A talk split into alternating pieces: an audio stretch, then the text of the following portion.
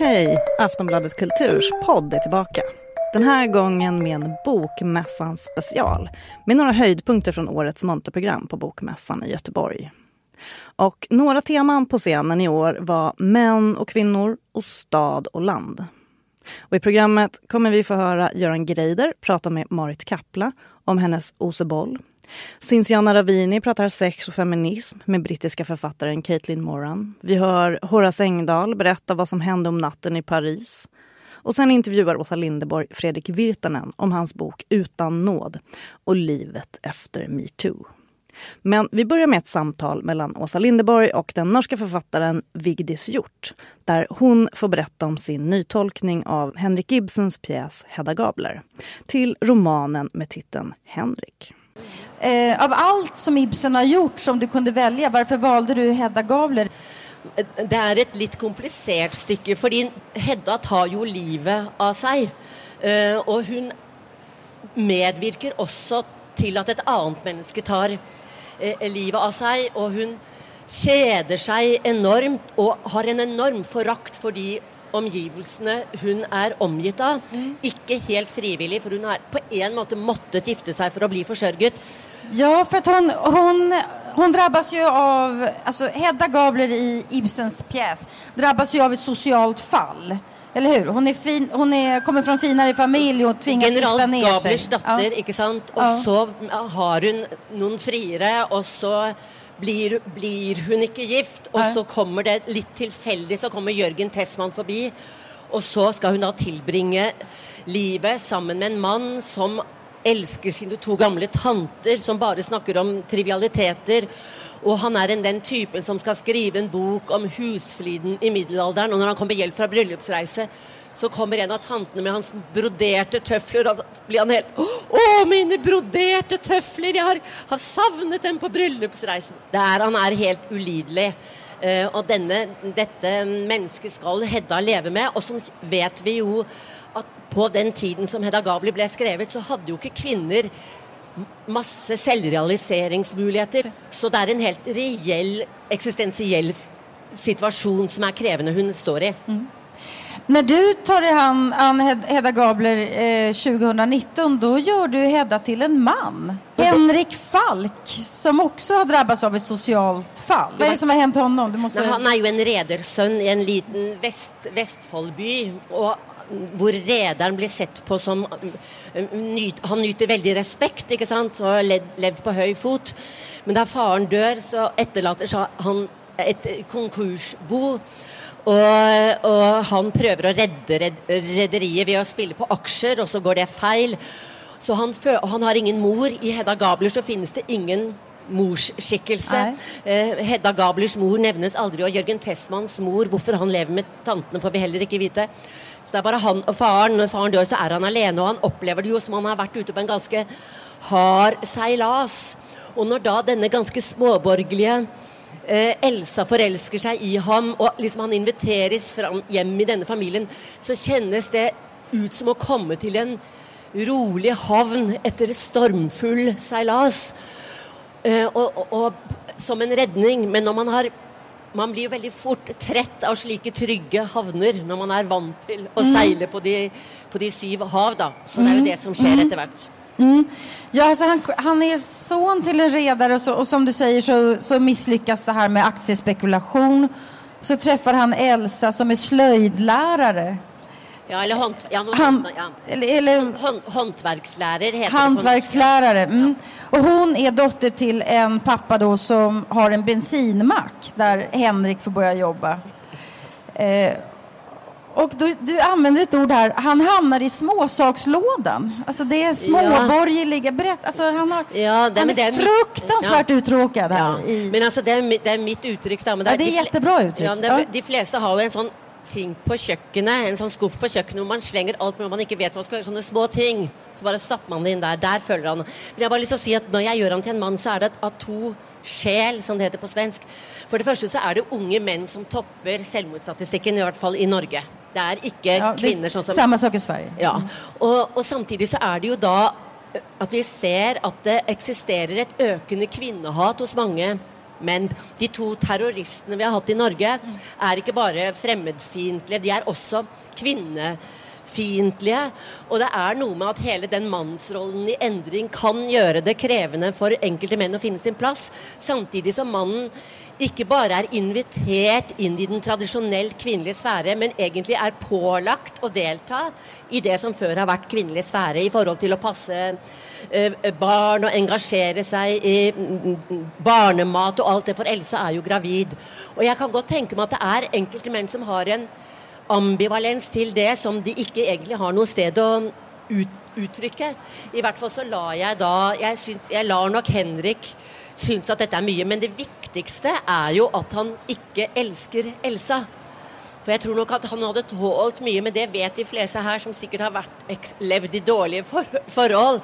At hvis man er tvunget til å være sammen med et menneske som man kanskje har stoppet å elske, eller aldri helt har elsket, så kan dette mennesket ofte begynne å gå en på nervene. Altså bare Ja, det er klart. Å høre det mennesket tygge kan bli ulidelig, liksom. Og det er jo på en måte en den typen situasjon av ulidelighet som jeg prøver å, prøver å skildre. Og det er det Ibsen gjør i, i Hedda Gabler eh, også. Altså maler opp en tilværelse som er så forferdelig kjedelig. Ja, den är kedlig, alltså tråkig. tråkig. Ehm, men men en- man kan också tänka så här, och det kan man också göra med, om Hedda Gabler egentligen, att är de inte lite bortskämda? Alltså han har ändå fått ett arbete, han har en hustru, han har omtänksamma svärföräldrar, han ska bli pappa. Är han inte lite bortskämd Han också? er veldig, veldig, veldig bortskjemt, og han skylder på alle andre, og han har stor forakt for alt dette Ja. s- småborgerlige livet som det er lett å på en måte ka- kunne kjenne seg igjen i, men som jeg i mitt liv arbeider med ikke å kjenne. For jeg mener jo at det er hverdagslivet som er menneskets kall. Å gå rundt og forakte alle trivialiteter som vi likevel er nødt til å forholde oss til, det er en uholdbar eksistensiell Ja, væremåte. du är lite inspirerad av Wittgenstein vet jag på den här punkten. Ja, eller særlig, ja, både Wittgenstein, men også særlig Søren Kierkegaard, da. Ja, precis. Ja, ja. Eh, som sier at det å være et ganske alminnelig menneske er en stor oppgave. Ja. Og en tillitserklæring fra oven, og det skal vi være med alt vårt ansvar og all vår Ja. inderlighet. Mm. Eh, eh, og, og han sier et sted at det er så mange mennesker som bor i kjelleren hos seg selv, selv Mm. om det er ledig i de øvre etasjer, hvor utsikten er vid og perspektivet uendeligheten. Og da snakker han ikke om om, om å bli president i USA eller jordomseilinger, men det er det å gjøre det livet du faktisk lever, til en al meget alvorlig sak. Og det gjør, jo ikke, det gjør jo ikke Henrik, og ikke Hedda heller. De er fulle av forakt eh, for andre mennesker. Men kanskje det er en forkledd selvforakt for selvforakt. Forakt for andre mennesker skjuler veldig ofte en selvforakt. Eh, Eh, jag tycker att du gör det otroligt eh, bra, eh, beskriver, eller man, om man kan tolka Henrik som en, en symbol för hur det starka könet börjar bli det svaga könet nästan. Kvinnor marscherar fram och, och män måste göra det där som kvinnor alltid har gjort och, och hur, hur, hur provocerade de känner sig av det där. Du gör det väldigt, väldigt, väldigt, väldigt bra. Och även den uttalade feministen Caitlin Moran som är aktuell med nya romanen Konsten att bli känd kom in på varför också hon intresserar sig för männen. When I first started writing about feminism, the question I would get asked over and over again is, what about the men? What about men? Yeah. And at the beginning, I would go, what about men? I'm, I'm doing women. Like, I'm doing 52% of the population. I'm team tits. Like, I'm just doing women. It would be the ultimate irony of feminism that if once having sorted out women, women then had to sort out men as well. Like, that's too many jobs for us. No. But over recent years, I started thinking, well, what is feminism supposed to be? It's supposed to be equality between the sexes. Yes. And we have different inequalities. So, but, but based on gender. So, women, one in four of us will be sexually harassed or assaulted or raped. Uh, we are judged on our appearance, we are paid less. But for men in the UK, the biggest cause of death for men under the age of 50 is committing suicide. Men are judged by these absurd standards of masculinity. If you're short, if you're bald, if you're a fat man, if you don't get paid enough, you're not seen as a proper man. And these are problems of gender. It's about what a woman should be and what a man should be. And what do you want to do for this Well, men? over the last 120 years, women have changed what women have constantly challenged what a woman should be. Feminism has been going, no, we should be able to talk about sex. We should be able to have jobs. We should be able to have an education. We should be able to vote. We should be able to wear trousers. We have changed what it is to be a woman by taking things that we see men do and going, well, why can't women do that as well? Men in the last 120 years have not done that. Men have not gone, well, we could take these female things of being able to talk about our emotional feelings, about talking about depression, about forming communities, about dressing differently. Men have not taken the things of women, but we have stolen the things of men. And that is because female things are seen as lesser. So you would be seen to become lesser if you were a man who became more feminine, whereas a woman is seen as greater by taking the things that are seen to be masculine. Hmm. And this is because women are lower of, of lower status. So feminism can't go too far. A man who says feminism is going too far misunderstands how it will help him because hmm. the more powerful women become, the more respected women become, the more loved women are, the more brilliant albums that women make and brilliant films that they make that everybody loves, the more the more power women have and the less shaming it will be for men to start taking the things of women. So the ultimate goal is that we don't think of anything as being male or female. Everything is just the things that humans do. And we can take of it what we want. We can wear what we want, we can go where we want, we can talk about what we want, and we're just human beings rather than men and women. So this is what my next book is. I have tried to give feminism to men. Come and use the ways that we have changed our lives as women to change your lives as men because I am pretty sure there are things about being a man that you hate as much as we hate things about being a woman. the book is about many things, but one of the things that I wanted to do was write about three different kinds of sex, uh, which I believe is all the kinds of sex there are. Um, I wanted to write about bad sex, which uh, forms the main plot of the book. It's about a girl who is sexually shamed. She has sex, she's a teenage girl, she has sex with a famous man. He makes a sex tape of her, and then the reason it's called How to Be Famous is she becomes famous for this sex tape. People are gossiping about her, there are rumours about her, her career and her reputation is being ruined, and she finds a way to cope with that and to triumph over it. And the thing about sexual shame for women is it's something that we are given. If you are sexually shamed as a woman, someone has given you the shame and you are supposed to carry it around and try and keep it secret. And with sexual shame, what you have to do is give it back and go, no, I haven't done anything shameful. You are shaming me. You have done the shameful thing. Yeah. You are an abuser. And how she decides to do that is she finally gets hold of the sex tape herself and she broadcasts it on stage in front of 2,000 people and she narrates her sex tape. And as I was writing the book last summer, that was what was happening around the world because the Me Too movement kicked off. Exactly. And it was Yeah. almost as if an alarm clock had gone off in women's heads around the world going, we're not going to be sexually shamed anymore. We're all going to start talking about this. We're going to name it, we're going to put it out in the public, and we will not cope with this anymore. So that's bad sex. that's the And one kind of sex. That's bad sex. What is? Yes. Let's speak about good sex. What Then is good sex? Good sex. Yeah. So I wanted to end the book. I was like, what's the best finale for a book? Usually, you know, what's a happy ending? So let's have a literally happy ending. Let's finish with the best sex ever had. I have two teenage daughters now, and I was aware that when they go and look for sex, they get try and get sex information or see what sex is like, that they would mainly be finding pornography online. And if you're a girl, it just doesn't look that nice. And it's like you know, people being strangled, being spat like, on, um, women looking like they're in pain. I was like, I don't want my girls to think this is what sex is. I told them all the time, pornography is not sex. That's why there's a different word for it. Pornography and sex are two completely different things. Pornography is two people at work. That's two people at their job. Like, that's not what sex is like. I hope that for you, sex will not be your job. So I was like, uh, what I want them to find is good sex. So I was like, I will do that myself. I will write pornography for my children.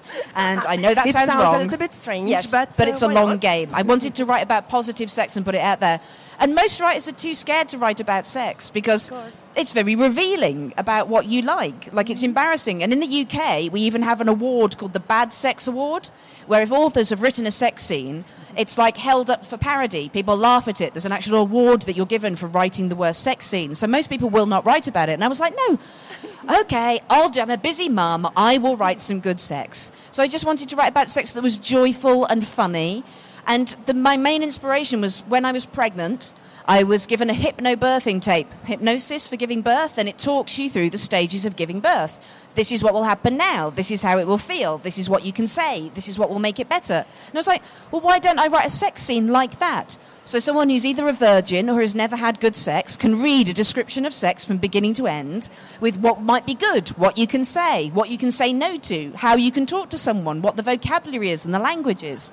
And so that was my, my main intention was to write really cheerful, lovely, happy pornography. Yeah, it is. It is both pedagogic and funny. I mean, that's the paradox of it. No one writes Yeah. that well. It's like it's a kind of a new genre you have invented. Well, sex is funny. Yeah. I mean, when you Yes, think about it it, like kind of, you know, if you if you you, know, you watch people, two people having sex, and the noises you make and the things you're doing, it's ridiculous. You know, it's you know, it's, luckily you're very turned on and all the hormones are flowing. But if they weren't there, it just it looks like something clowns would do in a circus. It's just like yeah. it's an inherently comical act. So you've got to be aware that you're going to be laughing at your sex life at some point, and and also that it should be a positive thing. There's a line in the book that I have quoted back to me the most by people who've read it, which is uh, Johanna's just saying, "I really hope for every woman that when she looks back on her sex life, she smiles." And I think, sadly, so few women can do that.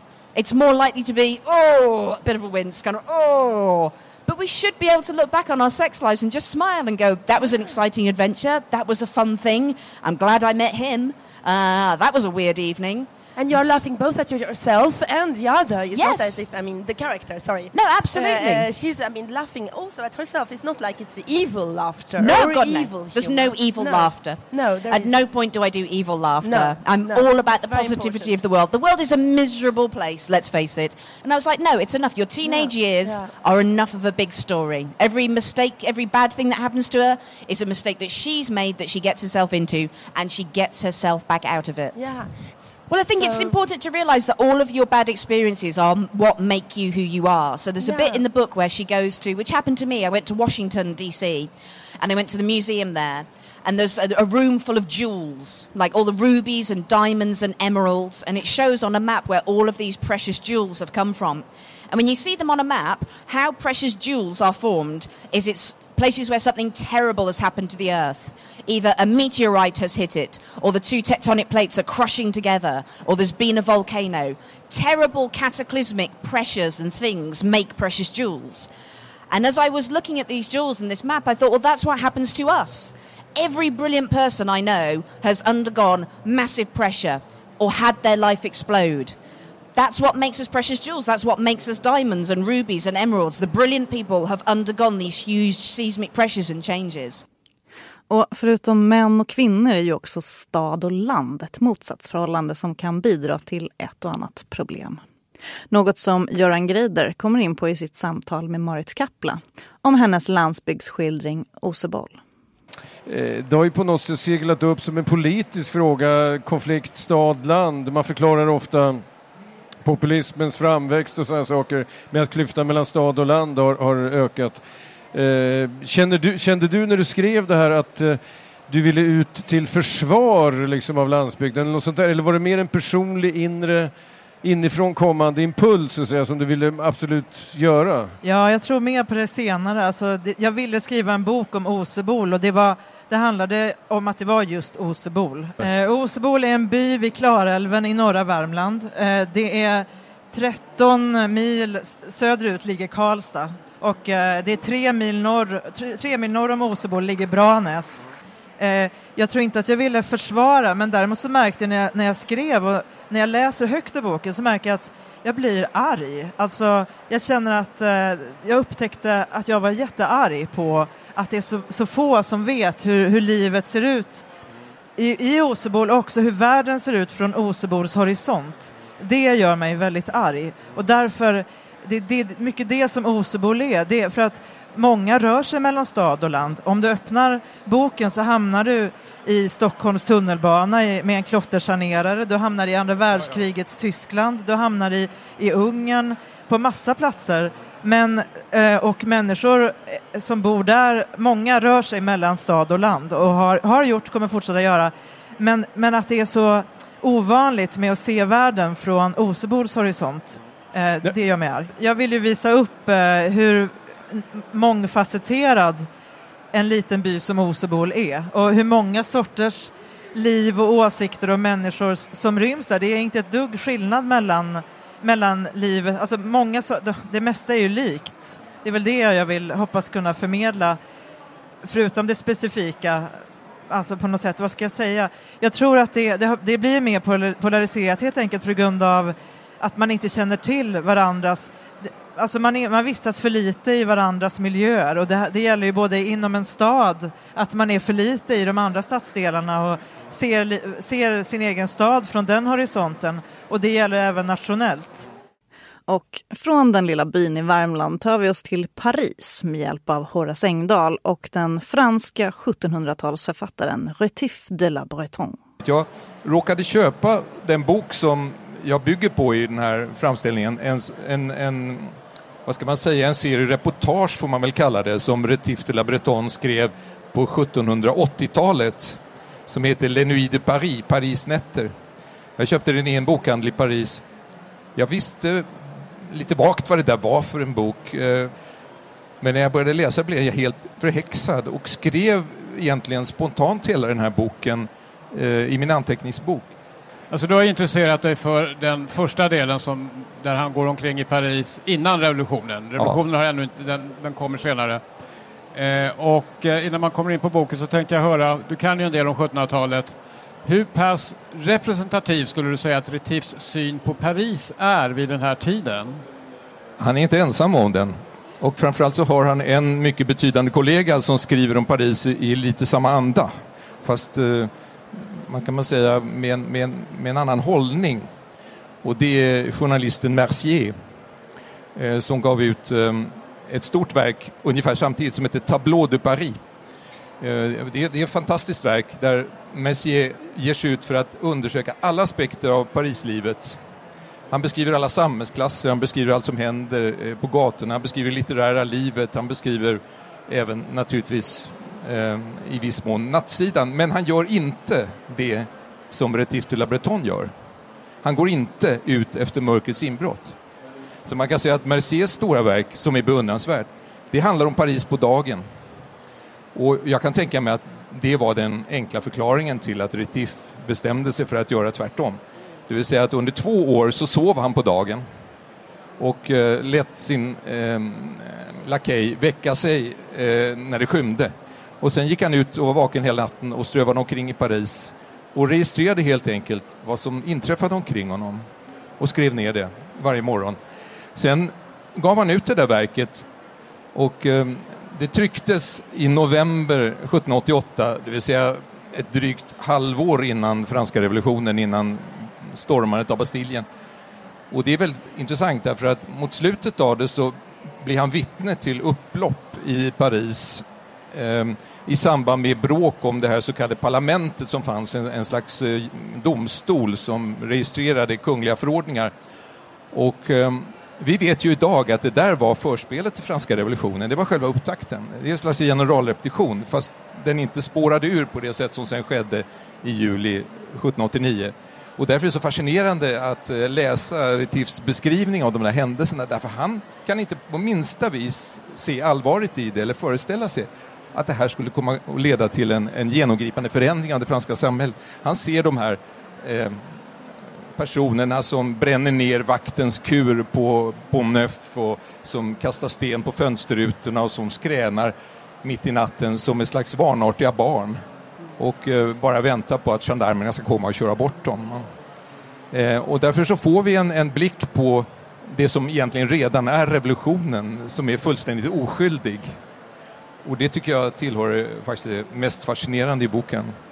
Du, du, skriver också om din uh, skräckblandade förtjusning inför hans skräckblandade förtjusning för det han såg. För han var ju både polis, uh, polis ska man säga, spion, ja. han var uh, journalist, han var också i mångt, mångt och mycket en psykoanalytiker. Ja. Ehm, låt oss tala lite om hans moral. vad är det vi kan lära oss av hans moral? För han var ju både förfärad och fascinerad Eh, och inte bara det, vad finns det för skillnad mellan hans moral och din? Om det nu gör det, om det finns en skillnad. When you're ready to pop the question, the last thing you want to do is second guess the ring. At BlueNile.com you can design a one-of-a-kind ring with the ease and convenience of shopping online. Choose your diamond and setting. When you find the one, you'll get it delivered right to your door. Go to Bluenile.com and use promo code LISTEN to get $50 off your purchase of $500 or more. That's code LISTEN at Bluenile.com for $50 off your purchase. Bluenile.com code LISTEN. Ja, det har ju gått eh, några hundra år så att det är klart att eh, vår syn på mänskliga handlingar är, är inte riktigt densamma som den Retief upprätthåller och han var ju inte heller representativ för sin tid. Han, han hade en mycket tillåtande syn på sexualiteten till exempel, det är ju alldeles uppenbart. Eh, om man läser hans självbiografi, Monsieur Nicolas, eh, så får man där veta att han gjorde sin sexuella debut vid tio års ålder och med, med någon ungefär jämnårig flicka. Och, eh, han beskriver det här pastorala livet som barnen lever i, i en liten by en bit ifrån Dijon i Bourgogne och där det inte finns någon synd och skam överhuvudtaget. Och det präglade honom för hela livet skulle jag vilja säga. Så att, visserligen så kan han skriva ganska kritiskt om de sociala problem som uppstår till exempel genom prostitutionen. Men han har aldrig någon idé om att sexualitet skulle kunna vara ett brott. Men för, för, Oavsett egentligen hur den ser ut. man gillar inte Marquis de Sades sexualitet. Han eh, tar ju stort avstånd från Ja, den sorts det- libertinage. Han ville det, väl... det kan man ju säga att han gör, Ja. men man ska ju komma ihåg att han och de Sade var rivaler, de var konkurrenter Mm, var på, det. på litteraturscenen och eh, där var de Sade hade ett övertag, han var ju markis Mm. och eh, Retief var bondson. Ja, fast Och royalist det finns också. ett, eh, jag vill inte säga att klasshat är för mycket, men det, men det finns en, en blick underifrån som gör att Retief har svårt att tåla markisen. Mm. Samtidigt som han är väldigt fascinerad av honom och tävlar med honom hela Mm, tiden. Och eh, moralen verkar som ett, någonting som hela tiden omförhandlas. Hur, Ja. kodifierades moralen på den tiden och vem var det som kodade moralen i Alltså, man kan säga i grund och Frankrike? botten är det ju kyrkan naturligtvis, men, men vid den här tiden så har kyrkan inte riktigt den makt som den hade hundra år tidigare. Mm. Eh, det har brutit fram eh, intellektuella rörelser av olika slag som, som försöker formulera en, sekulariserad moral. Och eh, framförallt så har det skett en, en slags upplösning av förbuden på många områden, ungefär som den som vi har upplevt i modern tid. Kanske inte just nu eftersom vi lever i, tvärtom då, i en tid då moralisterna slår till med extrem brutalitet. Men låt oss säga för 20 eller 30 år sedan. Och eh, då kan man säga att han Retief, en Retief, är, kanske den som artikulerar denna moraliska frigörelse på det allra mest hämningslösa sättet av alla franska författare. Är han då en moralisk relativist skulle du säga? Eller Nej, egentligen inte, därför att, därför att han, han tror ju ändå på, på dygden, han tror framförallt på naturligheten. Mm. Och eh, han, han står i vissa avseenden Rousseau ganska nära, fast han ogillar Rousseau. Det är också ett konkurrensförhållande där. Ehm, och, men han, han, det, jag kan säga, hans enkla poäng är den att allt fördärv har sitt ursprung i förekomsten av stora städer. Ja, när han, Eh, eh, han föredrar ju provinsen, där är ju allting Ja. mycket bättre och där är folk dygdiga, eh, Ja. familjen håller ihop Ja. och även, de, även om de nu blir rika och tjänar pengar, Nej. vilket inte är så viktigt, så vet de att de hushållar med detta och liksom beter sig som, som goda människor där. Ja, man kan ju säga att det finns eh, två nivåer hos Retief, därför att den ena är ju berättarens nivå och om man tar hänsyn till hans författarskap så består det ju i väldigt hög grad av vad vi skulle kunna kalla för osedliga skildringar. Ehm, och ehm, det gör ju även hans självbiografi för övrigt. Ehm, han, han var ju ganska vidlyftig i erotiskt avseende även som person. Men sen finns det ett annat plan som är, låt oss säga det filosofiska planet hos honom och där vill han ju tävla med de stora upplysningsfilosoferna, med Diderot och eh, Rousseau framförallt. Genom att eh, göra sig till talesman för någon slags abstrakt begrepp om den dygdiga människan, den, den rena människan. Och eh, därför så eh, ser han sig tvungen att regelbundet bli upprörd.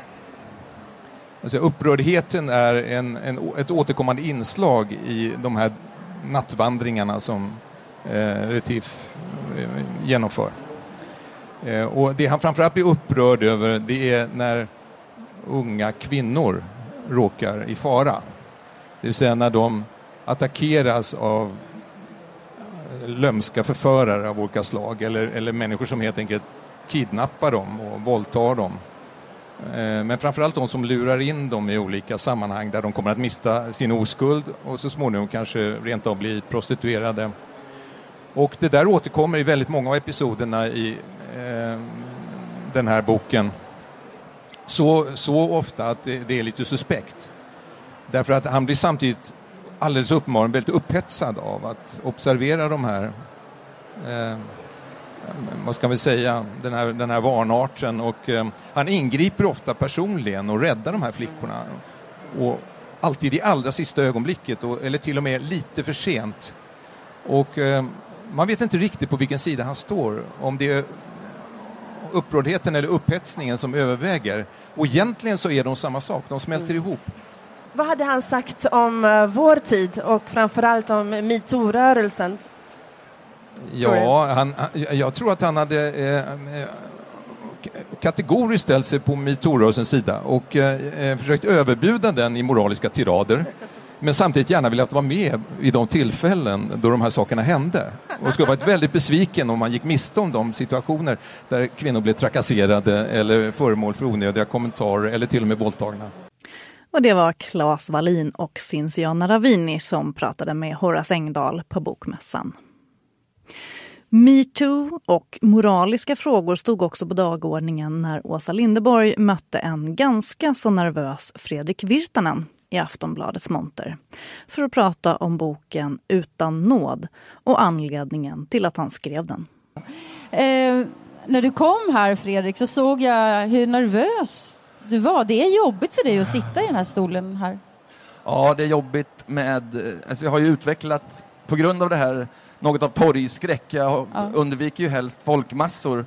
Och sen kommer man här och det här är ju så mycket folk så att det, det blir, det är jobbigt faktiskt. Um, Jo, ja, jag är onödigt ja. nervös.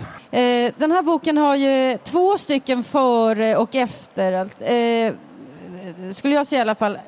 Eh, ett liv innan du träffar din fru och sen efteråt och sen så ett liv som är innan metoo och, och efteråt. Ja. Jag minns ju när du slog igenom Fredrik, men jag minns ju också när jag började på Aftonbladet, har ju du redan jobbat där flera år, eh, så det, det var då Aftonbladet verkligen steg till skyarna. Upp, upplagan bara öka, öka, öka. Vi var först ut på nätet, vi var först in i framtiden. Samtidigt så blev Stureplan också liksom, the place to be. Ja. Och Fredrik Virtanen sköt också i höjden samtidigt. De här, hänger, håller du med om den, om den beskrivningen? Stureplan, Fredrik Virtanen, Aftonbladet liksom levde i symbios ja, i en jag, storhetsgalenskap. Ja, det, det, jag har inte tänkt på det så riktigt eftersom jag är så ödmjuk. Men visst, jag var med om den resan och blev ju mer och mer lanserad. Och från att vara redaktör då, alltså chef eh, för tidningen Puls, och Nöjet var jag chef för ibland, så blev jag även eh, den stora tyckaren inom popkultur. Liksom. Eh, blev väldigt exponerad. Mm.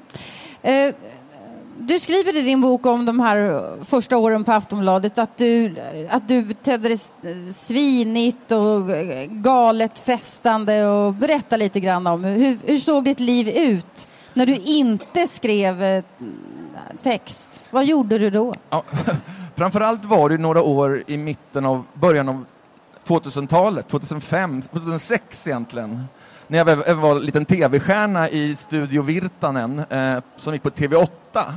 Och sen hade jag den här bloggen då som var den eh, första stora bloggen i Sverige. Bloggar hade, inte, hade just slagit igenom, så min var den mest lanserade bloggen. Eh, och sen blev jag även tv-programledare, så då var jag jäkligt hög på mig själv och knarkade eh, kokain och alkohol i enorma mängder. Eh, Samtidigt då som jag klarade av att sköta mitt jobb och så. Det, det, det, det gick att kombinera det här nöjeslivet med sprit och kokain och sexlivet. Ehm, men jag var då jag var lite av en... Ja, jag hade groupies liksom. Jag var den typen av, i en liten krets i Stockholm såklart. Eh, och det där lät jag eh, stiga mig över huvudet och levde ett jävligt eh, dåligt eh, missbrukande eh, liv då 2006 var väl själva peak, peak skit. Och, men samtidigt som jag var framgångsrik, eller föreföll framgångsrik, så var jag bara fylld av självhat och eh, otillräcklighetskänslor och eh, depression. Ja, det är självmedicinering ofta det börjar med. Eller, dels, eller först festar man ju för att det är kul. Nu är det fredag, nu ska vi ta en lina och gå på eh, Stureplan till sist är det svårt att komma ner från det där festandet. Man utvecklar ett missbruk. Eh, Eh, men vad det berodde på att jag festade så mycket jag hade ju roligt också, så att säga. Mm.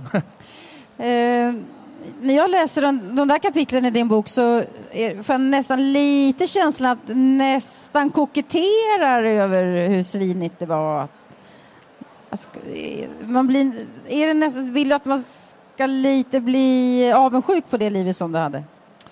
Jag tycker att jag... Eh ja, jag tycker att man kan få bli provocerad av det. Att jag har Mm. den tonen delvis. Ja, att- det har du faktiskt. Ja, för det, Mm. det, är- medvetet. Alltså, att jag, om jag bara sitter och pissar på mig själv eller låtsas som att jag faktiskt inte eh, hade, gjorde det jag gjorde och knull, får man säga knulla på bokmålet? Man får, man får säga knulla här, för det här är en kulturradikal... eh, eh, Ja, och jag skriver hur Monter. oerhört mycket samlag jag hade och sådana saker liksom, Ja. som kan uppfattas som skrytning. Och det är kul tycker jag om någon tycker det. ja, men vad hade du för kvinnosyn? Det är det jag vill veta. Ja, det där är ju en, alltid en intressant fråga med kvinnosyn. Eh, som jag skriver i boken så var ju min kvinnosyn att kvinnorna satt på en piedestal, att jag såg upp till kvinnorna, att de skulle ge mig bekräftelse. Ehm, eh, medan de då kan såg en makthavare som var eh, jävligt stor och cool själv. Liksom. Och den där diskrepansen försöker jag beskriva. Hur, hur, hur det var kvinnor som jag ville få bekräftelse för. Det var därför jag hade så mycket samlag, för att ah, då blev jag godkänd av en... Och sen var det massa tjejer jag aldrig fick, som jag egentligen gick och bittrade mig över. Min kvinnosyn... Eh, jag är ju ideologiskt erkänner ju att, att vi lever i en misogyn värld, alltså Ja. att det finns ett kvinnohat och det Ja. är jag mycket medveten om. Eh, och att man är en del av det där mönstret, det, skulle inte, det är många som inte skulle hålla med mig om det, men det är en socialistisk syn, eller min typ av feministiska syn. Eh, men, och sen får man också skilja på eh, den höga och påtände Fredrik och den eh, nyktre Fredrik, eh, som var arbetsledare. Och jag menar, jag kan säga plumpa saker även när jag är nykter, det vet ju du Mm, faktiskt. det, det, Eh, det, det vet vi som jobbar på Aftonbladet. Mm, jag tycker det är liksom kul. Det kan jag också göra. Men det gör jag verkligen inte bara mot, då är det ju kvinn, mä- lika mycket mot män. Så det är kanske en allmän människosyn, eller jag missuppfattade Mm. mänskligheten. Mm. Hur känns det att få knulla jättemycket bara för att man är känd? Det känns ju inget vidare, liksom. det gör ju Nej. inte det. Det är därför man inte blir lycklig av det livet, och därför det knarkas mer. Och varför vill den här tjejen vara med mig? Nej, det vill hon ju inte egentligen. Hon ville bara eh, få hem Fredrik Virtanen en kväll, för det var en kul berättelse eller vad fan som helst. Nej, det känns inget vidare. Å andra sidan, att vara oknullad i Motala var heller inget roligt. nej, det är klart. Nej, nej, det är så. Men du, och sen så bara rycks mattan under fötterna på dig och det är den 16 oktober. Vad är, vad är, då, förändrar ditt liv för alltid. Du får berätta vad det är som händer. Vad som händer då är att eh, en person som jag kallar Instagramkändisen i boken Ja, du vill inte nämna hennes namn så då, då gör vi inte det. ehm, Var, varför, varför, välj, varför nämner, namnger du inte henne? Du vet den allvarsamma leken av eh, Hjalmar Söderberg? Ja. Eh, ingen idag vet vilka de personerna handlar om. Det, eh, men då visste ju alla vilka det var Ja. som var förebilder. Ja. Mm. Så nu jämför jag mig med Hjalmar Söderberg. Mm. Eh, ja, i alla fall, då hänger hon, lägger hon ett utlägg på Instagram som står Fredrik Virtanen var den mäktige medieman som drogade och våldtog mig 2006. Och det där har hon hållit på med flera år, men hon har aldrig sagt mitt namn förut. Eh, jag hade till och med bett henne att polisanmäla mig när hon gjort det här förtalet och det hade, saken hade utretts och lagts ner. Men vad som händer här nu är just då, eftersom jag var en sån skribent, en, eh, vi kan kalla det PK-sosse, eh, så blev jag väldigt hatad av eh, högerradikalerna och de här då väx, framväxande Instagram-feministerna. Eh, där då Mia Skäringer till exempel, eh, Camilla Läckberg spred vidare det här uthängningen av mig. Och det var som underliga som hände framför allt var att media, och detta är unikt i Sverige, svensk media havererade. De använde anonyma källor, de publicerade namn och bild. Inte en enda kvinnas utsago kunde vara falsk just då. Eh, under oktober, november 2017. Eh, det var en helt unik eh, tid i svensk historia. Och jag stod som en av de här männen i centrum för det. Eh, och då eftersom sociala medier lyckades driva eh, riktiga medier framför sig, den här stormen att publicera det här svinets namn, hänga ut honom, kom både då från högerradikalerna och från eh, vänsterfeministerna, eller Instagramfeministerna. Så aldrig någonsin tidigare i historien har de här två grupperna haft något gemensamt att Nej, hata ja. och det var jag. Ja, nej, det var ju drevets eh, logik, att någonting börjar på, på Flashback som hämtas upp av högerextremister som sen hämtas upp av mainstream media och sen så kommer vänsterpressen och drämmer i all, allra värst på slutet, Ja. på slutet där. Eh, när det här hände så eh, upptäckte jag, jag hade inte ens ditt mobiltelefonnummer. Vi, som, Nej, vi umgicks aldrig, vi, vi vi, hejar har, alltid. vi, har, aldrig- vi har aldrig umgåtts. Jag tycker det är ganska viktigt att säga det. För vad jag fick lära mig under den här processen som var väldigt jobbig för Aftonbladet, det är att, att lära mig vad, vad det här begreppet betyder, att man ska skilja sak från person. Eh, för jag kände inte dig och jag vet inte vad som har hänt den där natten där Instagramkändisen säger att någonting har hänt men det här måste ändå kunna bevisas rättsligt för att man ska kunna skriva om det. Eh, jag, eh, du, du rabblar lite hastigt förbi det här men första gången som Instagramkändisen påstod det här så sa du då, då tycker jag att du ska polisanmäla mig så att vi får reda ut det här juridiskt. Precis så var det. Och, eh, och då lades det ner. Ja, sen Så startade de faktiskt en väldigt eh, duktig, eh, gedigen polisundersökning, en förundersökning, men sen som då lades ner för att det inte gick att bevisa vad som hade hänt och någonting. Så jag blev liksom aldrig dömd, eller Ja. jag blev friad, det blev ingen rättegång. Men vad säger du till dem som säger att eh, alla har rätt till sin historia? Att Instagramkändisen, det här är ju någonting som hon verkligen menar att hon har upplevt. Hon har väl rätt att berätta det? Vad säger du till dem? Ja, ehm, nej, alla har inte rätt att berätta sin historia ehm, eh, på det viset när det, när, det, när, det, när det kränker andra. Jag menar, då skulle vi ha ett samhälle, och det har vi ju tyvärr delvis redan, där du känner dig kränkt av eh, någon kompis och sen skriver du att din kompis, eh, hon, hon, hon, brukar, hon, hon brukar snatta i butiker. Det vet jag. Fast det gör hon inte alls. Det är det är din privata hembegär. Det där samhället lever vi i när alla kan vara publicister. Och sen visst, hade hon skrivit det en gång kanske, men nu är det dessutom uppe i mellan 70 och 100 gånger hon har gjort det. Så det här är ingen, det, det, inte det. Men det är komplicerat såklart med yttrandefriheten och berätta sin historia i kombination med rättssäkerheten och den, den som blir anklagad. Men vi har ju en förtalsparagraf. Ja, du vet, jag är ju, jag är ju varm förespråkare för yttrandefrihet, men det finns ju också gränser. Man får ju inte förtala såklart. Men vad jag kan fundera över, det, nu kommer det ju, börjar ju snart förtalsrättegången mot Instagramkändisen Ja, det är mycket folk här Fredrik, du tittar Ja. omkring. Eh, eh, den börjar ju snart i höst. Varför har du inte anmält också eh, Mia Skäringer och de här som har flera hundratusen följare i sociala medier? För det, är att- de, det är de som har gett eh, Instagram-kändisens påstående eh, vingar så att det flyger. Ja, eh, det, det, eh, det kanske, det kommer nog hända. Alltså, det finns en plan för det där. Men dels är det så att polisen vanligtvis inte tar upp förtalsfrågor. Det anses vara civilprocess, att man ska göra det privat. Eh, men eh, Mia Skäringer och Camilla Läckberg kan nog, efter att Instagramkändisen är dömd, kan de mycket väl se fram emot ett, ett kravbrev på ersättning för förtal. Mm, mm. Eh, alltså det som händer sen, eh, man bara pratar om en, en mediakändis och bla bla bla bla bla, eller Aftonbladet-profilen fick det heta ett tag och så. Och sen efter några dagar så bestämmer sig ändå Expressen för att de ska publicera namn och bild på dig på löpsedel, en sex sidor lång artikel. Du och familjen, ni ska ju fly landet eh, till Egypten och barnen möts av de här löpsedlarna. Hur? Ja, den, den där är ju... Det är, det är tung läsning. Jag minns, Ja. ju, hur, jag minns ju hur det Ja. var, men det. Jo, nej, men jag och barnen och frun skulle fly för, från sociala mediedrevet framför allt och, och även riktig press som hade skrivit just Aftonbladet-profilen. Eh, men sen då, när vi, på morgonen när vi står på Arlanda och ska åka iväg, då ser vi de digitala löpsedlarna i taket. Och, ha, Fredrik Virtanen, eh, historien om Fredrik Virtanen, drog, ja. Och så min fru får då ta barnen och skydda dem så att inte de ser den här löpsedeln. Eh, och jag tror inte de gör det. Eller de ser den, men de fattar väl inte vad det handlar om. Liksom. Och de är För ganska att pappa är i tidningen jämt. Ja, pappa är i tidningen Ja. jämt. Men jag brukar, ju- jag brukar inte vara på löpsedlar vanligtvis. Mm, men mm. Eh, det där är helt traumatiskt. Vad som dessutom händer är att Aftonbladet då ringer upp och säger nu måste du eh, uttala dig. Nu måste du... Jag vill inte, säger jag. Jo, du måste, säger Magnus Ringman. Så då gör jag en intervju i den situationen också, där jag använder ordet tölpaktig ungefär 500 gånger, vilket Mm. många gjorde sig lustig på. Alltså, alla ansåg sig kunna göra sig lustig på min bekostnad också. Det är också vad som händer.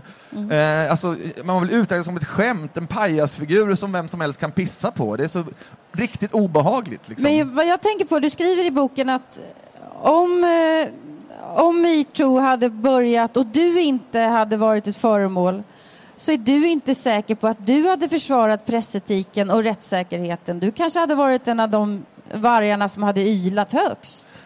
Jag, jag funderar kring den frågan. Ja. Eh, Är du, sån, är du, Nej, är du opportunist, Fredrik? Nej, men pressetiken, Det är min fråga då. Jag hade aldrig, som jag skriver, erkänt löpsedelsmorden. Alltså, det vill säga, Nej, okej. pressetiken hade jag, hade jag ehm, alltid tyckt att det men var, den hänger att det ihop ett med helvete. rättssäkerheten. De Mm. är ju helt intimt förknippade här. Ja, men vad jag menade var att frågan är, skulle jag, skulle jag, jag skulle snarare som alla andra vara tyst då, tror jag, för att inte vilja dras in i skiten själv. Det var ju så det var. Det var ju ingen mer än Aftonbladets kulturredaktion som vågade vara kritiska då. Och, eh, och hur jag hade själv gjort? Ja, jag vet inte. Jag hade nog backat ur rummet, men jag hade ju inte, jag hade inte lynchat Martin Timell. Det hade aldrig någonsin hänt. Eh, det är jag helt säker på. Eh, du var ju som, ja, som jag sa, jag menar verkligen det, du, du skrev otroligt bra om just jämställdhetsfrågor. Eh, känner du dig svik? Och du var ju liksom, uppfattad dig som feminist och högerpopulisterna, högerextremisterna, de försökte ju neta, nöta ner dig med det där, de hatade dig för det där. Ja.